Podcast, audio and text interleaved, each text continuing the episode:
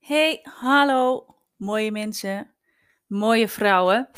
Welkom bij aflevering 2 van de Schandalige Podcast. Ik ben Monique, oprichter van Schandalige Vrouwen.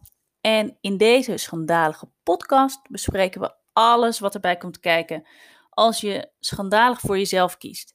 Als je je leven zo inricht zodat jij het allerbeste tot je recht komt. En als het je geen reet interesseert wat een ander daar misschien wel van vindt. In deze aflevering neem ik jullie mee naar mijn verhaal.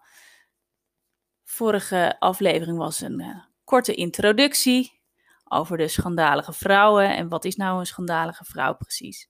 En in deze aflevering ga ik jullie meer vertellen eigenlijk over nou ja, mijn verhaal en hoe kwam ik nou, hoe kom ik nou toch bij die schandalige vrouwen en waarom is het mijn missie geworden om vrouwen ervan bewust te maken hoe gaaf ze in elkaar zitten. En bewust te maken dat je genoeg hebt aan alleen al vrouw zijn. En dat je echt gewoon zelf mag bepalen hoe jouw leven eruit ziet. Dat ga ik jullie in deze aflevering uh, vertellen. Een stukje levensverhaal van Monique zelf. Hoe kwam ze erbij en hoe heeft zij het gedaan? En was ik nou mijn hele leven al zo'n hele schandalige vrouw? Nou, laten we het zo zeggen dat ik altijd wel een zelfverzekerd meisje, onbevangen, zeker ook in het begin, ben geweest. En een vrouw, jonge vrouw, die vooral heel goed in de gaten had ehm, dat zij het zelf allemaal heel goed kon regelen.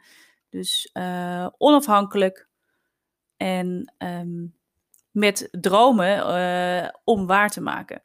Dus um, ja, je moet wel van goede huizen komen om mij te vertellen hoe ik mijn leven moest, uh, moest leiden. Enerzijds. Maar anderzijds heb ik ook echt een heel groot deel van mijn leven geleid op een manier waarvan ik dacht dat anderen dat van mij verwachten. Waarvan ik dacht dat dat de goede manier was en waarvan um, nou ja, doorregen eigenlijk met overtuigingen die mezelf ontzettend uh, klein hielden. Nou, hoe dat precies allemaal zit, um, is als volgt. Ik, uh, ik ga jullie meenemen in, uh, in mijn, mijn levensverhaal, een stukje, stukjes daarvan. Nou ja, wat ik zei, hè, als kind, jong meisje, was ik echt wel onbevangen en heel enthousiast. En juist ook bezig altijd om uh, op het podium te staan, voordrachten te doen, in de musicals uh, spelen. Um, vond ik allemaal fantastisch en allemaal leuk om te doen. En ik had echt totaal geen gêne daarbij of, nou ja, het idee wat andere mensen van me zouden kunnen vinden. Ik deed het op mijn manier en dat vond ik allemaal even prachtig. En ook, hè, ook zo opgevoed, ook vanuit huis. Ik heb een oudere broer, maar um, totaal geen verschil in opvoeding, um, in alles tussen uh, mijn broer en, en mijzelf. Uh, jonge meisje, iedereen, en we mochten allemaal hetzelfde, we werden hetzelfde um, opgevoed. met uitgaan, nou ja, noem maar op daar was geen, uh, geen verschil tussen. Ik werd niet extra beschermd omdat ik een meisje was. En ik had ook dezelfde vooruitzichten als mijn, uh, als mijn broer. Um, de, de, eerste keer dat het wel een beetje veranderde, en dat had ik niet zozeer op dat moment in de gaten, was toen ik naar de, naar de middelbare school ging. Dan ben je natuurlijk sowieso wel een puber en al meer bewust uh, van je omgeving. Maar je moet je voorstellen dat ik daar naartoe ging als, nou ja, nog steeds dat onbevangen kind. Um, dat het ontzettend leuk vond uh, en enthousiast was. En altijd op de voorgrond stond. En um, echt een, een, een, een, ja, hoe zeg je dat? Een aanjager. En uh, nou ja, ik uh, nam graag, graag de leiding. Dat veranderde wel abrupt in de brugklas. En dat kwam omdat er een groep meiden was uit de vierde. Die het om een of andere, op, ja, om een of andere reden op mij hadden voorzien. Um, die me uitscholden um, als ik uh, voorbij liep. En uh, nou ja, met alles lieten merken dat zij uh, niet van mij waren gecharmeerd. Ik kende de, de, de beste meiden niet. Ik bedoel, ik was twaalf. Ik kwam net kijken. En zij zaten in de vierde, dus daar zit al dan zeker nog een wereld van verschil tussen. Maar ik kon het niet goed doen uh, in hun ogen. En um, ik begreep daar echt geen ene fluit van.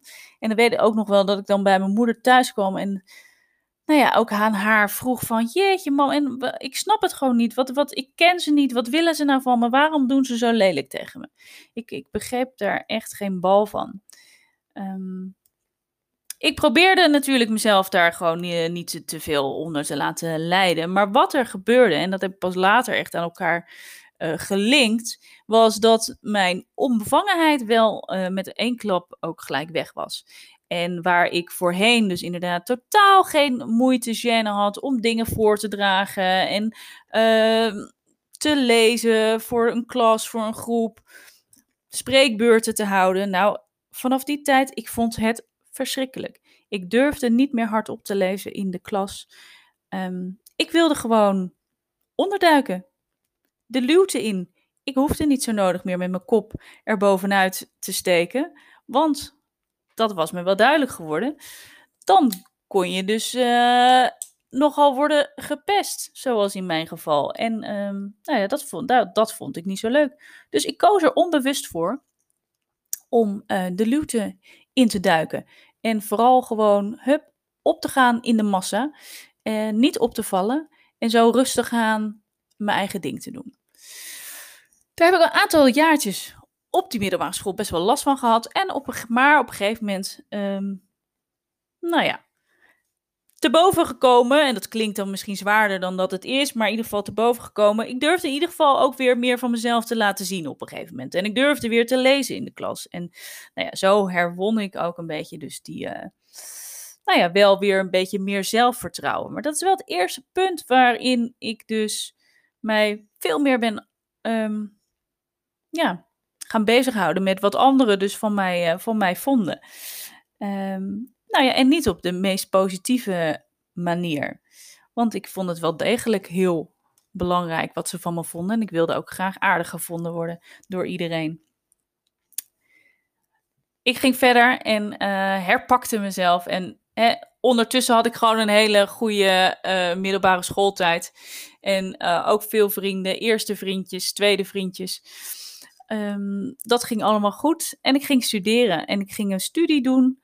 Um, en dat moest iets met management te maken hebben. En waarom moest dat? Omdat ik uit een ondernemersfamilie kom.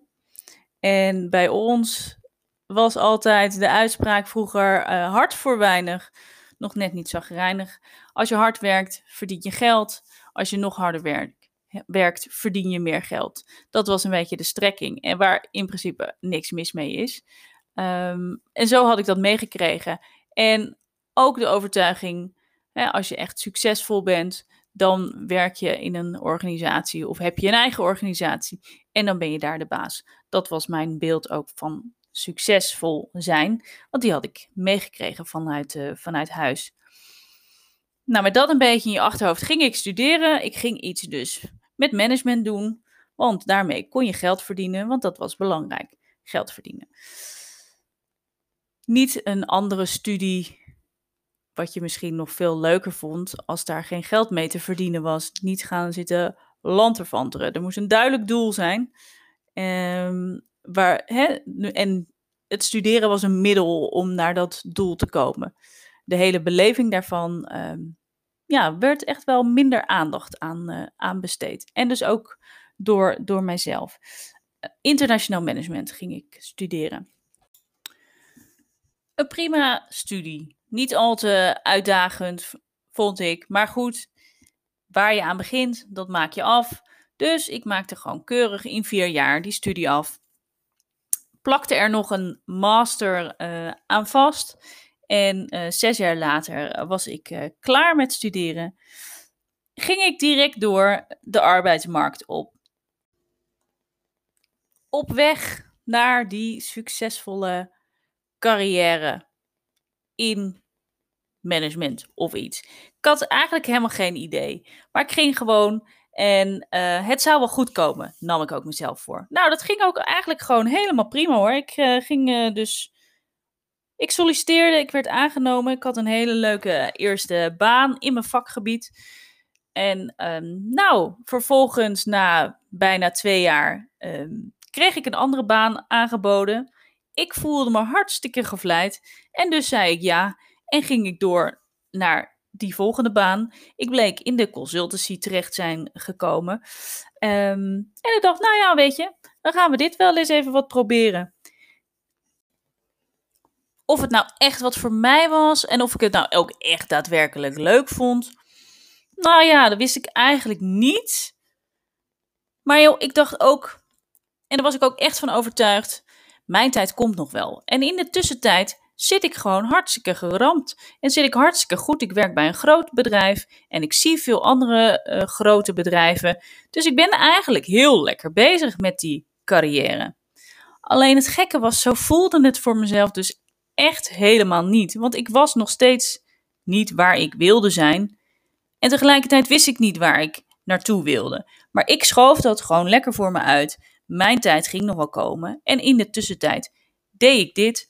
En iedereen vond ook dat ik zo'n fantastische baan had. Dus weet je, het zou toch wel goed zijn. Ik ga hier wel mee door. Ik ging door. Onverminderd hard blaasde ik lekker door. Want op papier had ik gewoon eigenlijk alles voor elkaar. Ik had een goede baan en ik zag veel verschillende bedrijven. Mijn werkgevers waren blij met me. Ik kreeg goede beoordelingen. Kon elke keer leuke nieuwe projecten uh, gaan doen. Ik had een vriend. We hadden een huis gekocht. We, krijgen, we, hadden, we wilden graag kinderen. Um, dat lukte ook inderdaad. Dus ik kreeg in die periode nog twee zoons, twee prachtige zoons. Ik wisselde nog even van werkgever, waardoor ik uh, dichter bij huis kon gaan, gaan werken en niet meer het hele land hoefde door te crossen uh, als consultant. Dus ik zei de consultancy vaarwel, want met een ja, jong kind, acht uur facturabel zijn, drie uur reistijd en nog in allerlei netwerkclubjes zitten. Um, had ik gewoon geen zin meer in. Dus ik dacht, nou, dat ga ik dus niet meer doen. Ik moet een, een volgende stap gaan maken. Dus ik ga bij een, bij een organisatie werken hier in de buurt. Um, en nou ja, dat is een, een, een, hè, een topbedrijf waar ik toen solliciteerde. En dat lukte. En ook daar kon ik aan de slag. Dus op papier zag het er allemaal perfecto uit. Maar de onvrede in mij um, groeide. En ik was na, naast mijn werk, of in mijn werk, of gewoon überhaupt gewoon in, in mijn leven, omdat die onvrede van met dat werk er zo was, ook gewoon uh, zocht ik echt naar, naar zingeving. Van wat mij nou echt gewoon gelukkig zou maken en waar ik nou echt gelukkig van zou worden. En de periode hè, van wat ik daarvoor, hè, wat ik hiervoor zei, van ja, mijn tijd komt nog wel, waar ik altijd heilig in geloofde. Dat geloofde ik ook nog steeds wel, maar ik was me ook op een gegeven moment bewust van het feit dat de tijd wel steeds korter werd. Ik bedoel, ik was geen, uh, wat is het toen begon met werken, 25, 26 meer. Ik was inmiddels, waren we tien jaar verder. Ik was 34, nadat uh, ik weer gaan werken inderdaad. Um, na de bevalling van mijn tweede, tweede zoon. Ja, mijn tijd komt nog wel. Ja, die tijd die ging nu wel een beetje dringen. Het werd nu wel een beetje tijd dat ik um, ging weten, of ja, überhaupt ging weten wat ik leuk vond, maar dat dan ook nog ging doen. Ik werd een beetje, ik schoot een beetje in de paniek ervan. Ik dacht, ja, godzijdank, man. Ik weet het nog steeds niet. En nog steeds ben ik niet heel erg gelukkig. En ik heb nu al zoveel nou ja, projecten gedaan en werkgevers gezien. En het was het allemaal niet. En waren het niet dat ik voor die tijd dus ook eigenlijk, maar eigenlijk hè, dat wel dacht en wel van dacht, hè, ja, ik wil iets anders misschien wel, maar ik weet niet goed wat. Maar verder dan dat kwam ik ook niet. Gaf ik mezelf ook totaal niet de tijd en de ruimte voor om daar echt goed over na te denken. Of ja, ik wist ook niet hoe dat moest. Want ik zat gewoon in mijn eigen red race en ik ging gewoon lekker door. Ja, jong, onbezonnen en hard werken. Er moest hard worden gewerkt. Want ik moest natuurlijk die carrière maken. En carrière maken betekende hard werken, betekende veel uren maken. Nou, daarnaast had ik, eh, wilde ik een gezin stichten. Stichten we een, samen een gezin. Nou, jonge kinderen. daar hou je ook weinig ruimte over voor, uh, voor überhaupt iets anders dan de kinderen. Ehm, dus echt goed tijd nemen om daar nou eens even goed over na te denken. Wat ik wilde, dat nam ik niet. Nou, daar kwam verandering in toen ik dus weer ging werken na mijn uh, laatste zwangerschapsverlof. En ik een uh, coaching traject mocht doen uh, bij mijn werkgever toen. En dat was een coaching traject, dat was dan echt een jaar. Ging je met een nou ja, select groepje. Um, kreeg je eigen coaches um, toebedeeld en ging je nou ja, meerdere keren um, in het jaar met elkaar ook op pad. Um, en mocht je ook gedurende in de tussentijd ook dus met die coaches nou ja, afspreken en allerlei opdrachten. Uh, best wel zwaar, nou ja, coaching traject, heel goed. Om te kijken inderdaad van, nou ja, goed, zit jij wel op, op de juiste plek? Wie ben jij? Zit je wel op de juiste plek? Nou ja, dat kwam eigenlijk voor mij natuurlijk als, als geroepen. Uh, had ik dat zelf helemaal nog niet zo in de gaten hoor op dat moment. Ik dacht, oh nou leuk. Een beetje persoonlijke effectiviteit vind ik altijd wel interessant. Dus ik uh, nou, stapte in dat traject en um, dat veranderde de zaak. Want uit dat traject kwam nou ja, naar voren, naar boven. Van wat de fuck ben ik nou eigenlijk aan het doen? Wat, wie ben ik? Wat doe ik hier? En waarom in godsnaam? En wat ben ik allemaal aan het nastreven? Dus kort gezegd, alles waar ik tot dan toe een soort van in geloofde, of in ieder geval maar zijn beloop liet, kwam op losse schroeven te staan. En um, ja, haalde mij echt wel finaal onderuit. Omdat ik gewoon niet meer wist hoe het zat. Wat eruit kwam, in ieder geval, was: Nou ja, Monique, waar je nu zit, dat vind je niet leuk. Daar ben je niet gelukkig in. Dus dat weten we. Dus daar moeten we gaan proberen om daar niet al te veel um, energie meer in te stoppen. Maar ga je energie stoppen in het ontdekken wat je wel leuk vindt en wie jij bent. En dat was ook nog wel een hele moeilijke stap. Want ergens moest ik dus in mijn hoofd soort van opgeven dat ik dus geen carrière meer daar ging, uh, ging maken. Dat ik dat los ging laten, omdat dat niet mijn pad was. En dat wist ik dus wel. En daar was ik ook echt wel van overtuigd. Dat ik daar niet uh, mijn leven lang zou blijven werken. Of in ieder geval in, die, in dat vakgebied zou blijven werken. Ik werkte in de, in de IT. Maar om het dan ook maar helemaal los te laten en daar dus ook niet geen moeite meer voor te doen, dat vond ik super moeilijk. Want ja, dan, dan zou ik zo'n hele niet ambitieuze werknemer zijn. En wat zouden ze daar nou wel niet van denken? Nou ja, lang verhaal kort. Er volgde een uh, enorme inner innerlijke zoektocht. Met alles wat ik uh, wel en niet leuk vond. Ik ging echt weer opnieuw onderzoeken waar ik gelukkig van word, werd, word en wat ik leuk vond om te doen. Um, maar alles nog wel inderdaad met een idee van, oh ja, maar wat en wat voor, um,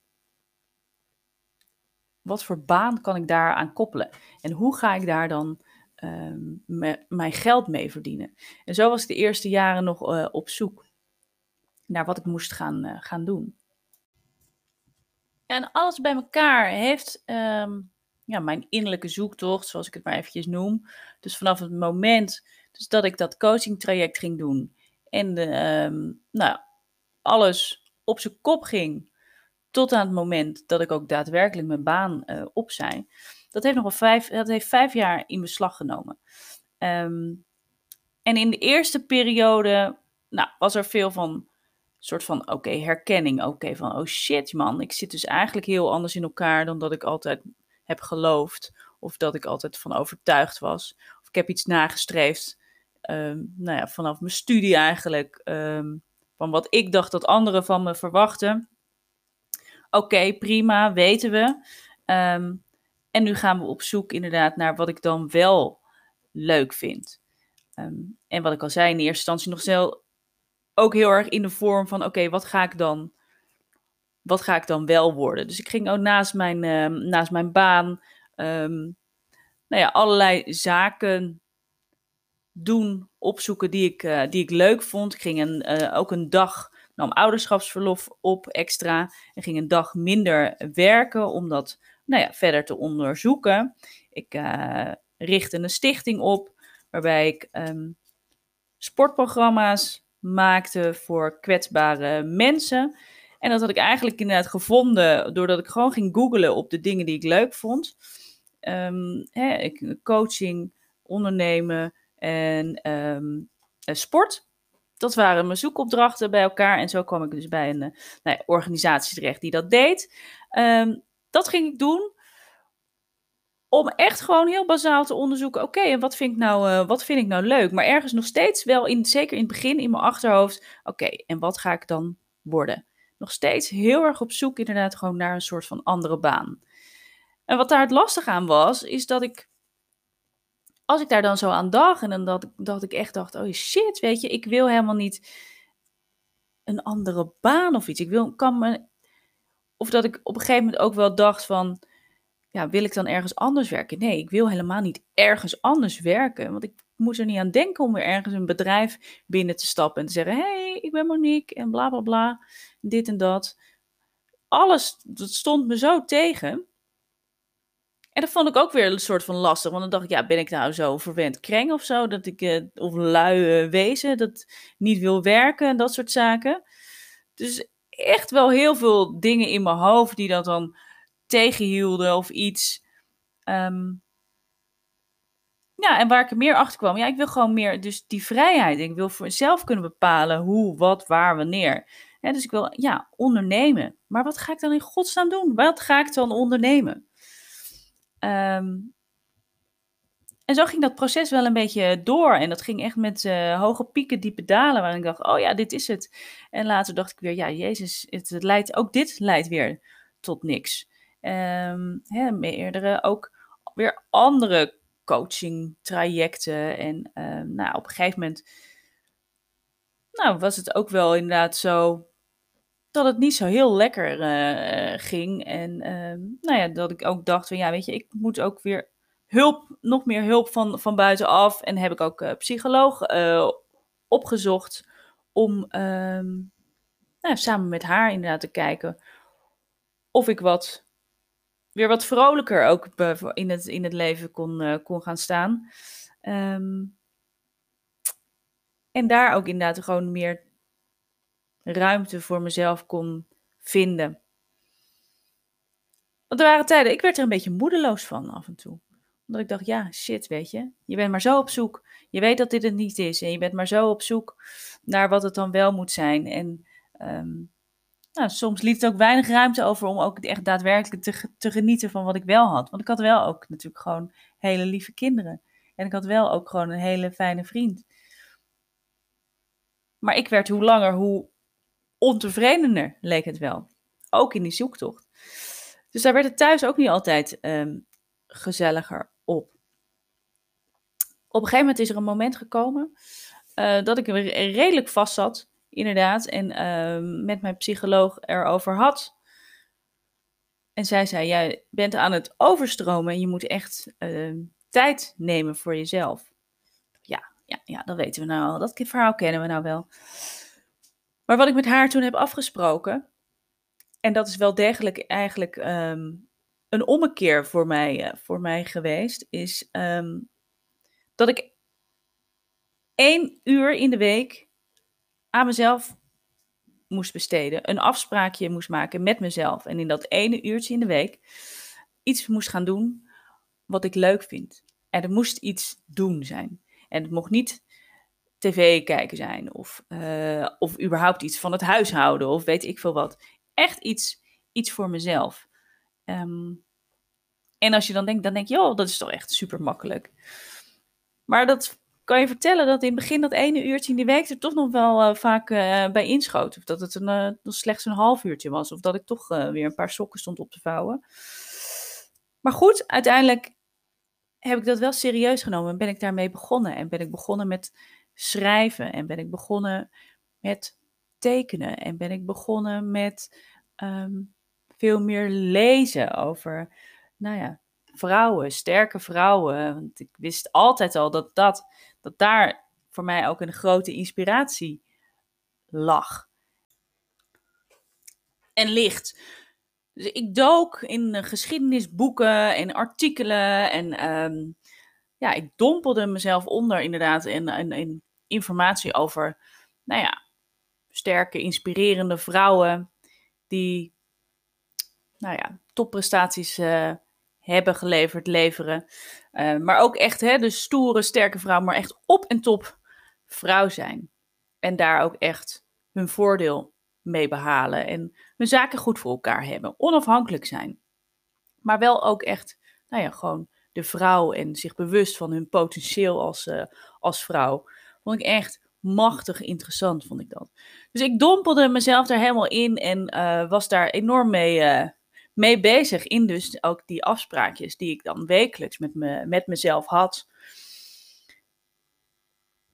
En ik stuitte inderdaad op een. Op een um... Nou, laat ik eerst zeggen, ik, ergens voelde ik daar dus dat van, oh ja, weet je, als ik dus inderdaad iets ga doen voor mezelf of ga ondernemen, ja, dan wil ik graag dat het, nou ja, iets met gewoon stoere, sterke vrouwen te maken heeft. En um, ik had inmiddels wel ook een beetje leren loslaten dat er, hè, dat die baan, zeg maar, hoe, waar ik nou precies naar op zoek was, dat ik misschien niet moest zoeken naar een nieuwe baan, maar dat ik vooral eerst toch echt moest gaan ontdekken, nou ja, gewoon wat ik leuk vond en waar ik blij van werd en waar mijn vuur van aanging. En dat ik dan zou gaan kijken, nou ja, wat kan ik daarmee doen en hoe ga ik daar dan zorgen dat ik daar iets mee kan gaan doen uh, en geld mee kan verdienen. Dus die stap had ik ook inmiddels uh, genomen. En nou ja, ik stuitte op een gegeven moment op een, op een artikel. En ik heb het wel eens eerder verteld, maar het nog niet weet. Ik stuitte op een artikel en dat heette, uh, dat had de, titel Well-behaved women seldom make history. Dat is een nou, beroemde quote.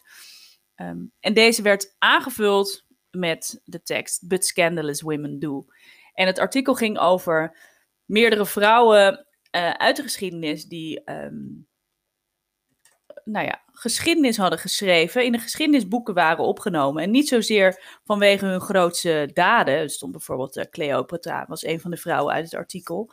Um, maar meer te meer omdat ze zich hadden gedragen um, anders dan hoe, wat er van vrouwen werd verwacht toen. Maar vandaag de dag nog steeds.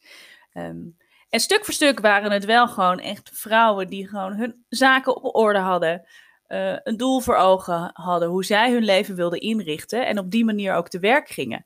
En nou ja, als dat afweek van het algemeen geldende vrouwbeeld, hadden ze daar lak aan. En ze waren succesvol en ze waren ook, nou ja, uh, geliefd, maar ook zeker gehaat. En, uh, maar het maakte ze niks uit, want ze deden hun eigen ding en daar waren ze blij mee. En daar hielden ze ook aan vast. Nou, en ik vond dat toch zo mooi. En ook, nou ja, eigenlijk met het lezen van dat artikel dacht ik, ja, weet je, dit, dit is toch ook gewoon hoe het, hoe het moet zijn. En um, ja, hoe bekrompen is het dan ook dat de vrouwen alleen in de geschiedenisboeken, deze vrouwen alleen in de geschiedenisboeken zijn opgenomen omdat ze zich zo schandalig hadden gedragen. Als je het vergelijkt met hoe een vrouw zich in die tijd diende te gedragen. En dat maakte inderdaad zoiets in mij los dat ik dacht van ja, weet je, maar dan, dan doen we het toch gewoon op de schandalige manier. Als het zo moet. Maar het allerbelangrijkste is dat we als vrouw nou eens los gaan komen van hoe het hoort en hoe het moet en hoe we ons zouden moeten gedragen. Of we wel of geen rokje aan mogen. Nou ja, weet ik veel welke regels er allemaal wel niet zijn. Hoe een vrouw zich zou moeten gedragen toen. Maar ook echt vandaag de dag nog. En dat voelde ik zo sterk in mezelf. En dat ik op een gegeven moment daarbij ook dacht. Ja, maar dan is dat het toch ook, hè? Dan is dat toch ook eigenlijk gewoon wat ik, wat ik wil. En dat is dat wat ik wil, wat vrouwen, dat wij vrouwen met elkaar gaan uh, bereiken. Dat we onszelf gaan zijn, hoe dat dan ook is. En dat we gaan doen wat we leuk vinden, hoe dat er dan ook uitziet. En dat we alles kunnen en mogen worden wat we willen. we hebben toegang tot alles tegenwoordig. En je mag ook gewoon alles kiezen, maar er zit nog zoveel doordrongen van hoe wij ons zouden moeten, moeten gedragen. En daarin hebben natuurlijk ook een hele lange weg afgelegd. En daar ga ik een andere keer nog, uh, nog weer op, op in. Uh, omdat ik ook vind dat we als vrouwen daar echt veel meer bewust van, uh, van mogen zijn. maar hoe gaaf zou het zijn als wij als vrouw allemaal zo ontzettend tevreden zouden zijn met onszelf, hoe we zijn, waartoe we allemaal in staat zijn, hoe te gek het is om al gewoon vrouw te zijn. Wat voor voordelen je allemaal hebt als je een vrouw bent. Wat je allemaal kunt als je vrouw bent. Dat we gewoon magische wezens zijn. En dat voelde ik zo en dat voel ik nog steeds. En toen dacht ik ergens, ja, maar Monique, is dat het dan ook gewoon niet gewoon wat je, wat je moet gaan doen? Is dat het dan ook gewoon niet waarin je zelf het voortouw nu moet nemen? En daarin ook vrouwen moet gaan, moet, mag gaan helpen om, om hetzelfde te doen. En daar was eigenlijk dus de schandalige vrouwen zijn daar eh, geboren. En ik dacht, ja, ik wil van elke vrouw een schandalige vrouw maken. Als dat betekent dat die schandalige vrouw precies doet wat voor haar het allerbeste is. Ja, count me in. Ik doe mee. Dat is wat ik wil gaan doen. Nou ja, goed. Ik had een plan. Ik had een, ik had een ik had, nee, ik had nog geen plan. Maar ik had in ieder geval iets gevonden waarvan ik dacht: shit man, dit vind ik echt gaaf. En dit vind ik echt interessant. En dit vind ik echt, hier wil ik meer over weten. En ehm, hier wil ik meer mee gaan doen. En dat voelde ik heel sterk. Dus ik dacht: ja, fuck it, ik ga dat doen. Maar goed, ik werkte ook nog steeds. Ik had nog steeds ook nog gewoon uh, mijn loonbaan. Dus het eerste plan was om naast mijn baan natuurlijk dit verder te gaan uitzoeken. En um, nou, dat ging in het begin ging dat best, uh, best oké. Um, en dan hadden we inderdaad hè, een zomervakantie, boeken mee en weet ik veel wat. En aantekenschriften. En ging ik daarmee uh, mee aan de slag.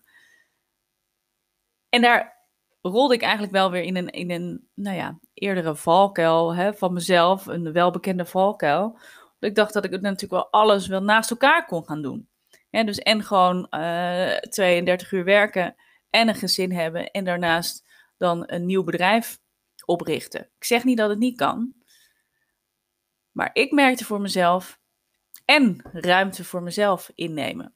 Want inmiddels wist ik ook dat dat voor mij ook echt, en voor wie niet, maar ook voor mezelf heel belangrijk is. Dus die vier dingen en die vier dingen naast elkaar, ja, weet je, dat is gewoon, uh, dat is heel lastig. Gaat er, heeft altijd wel één van de vier dingen heeft daaronder te lijden.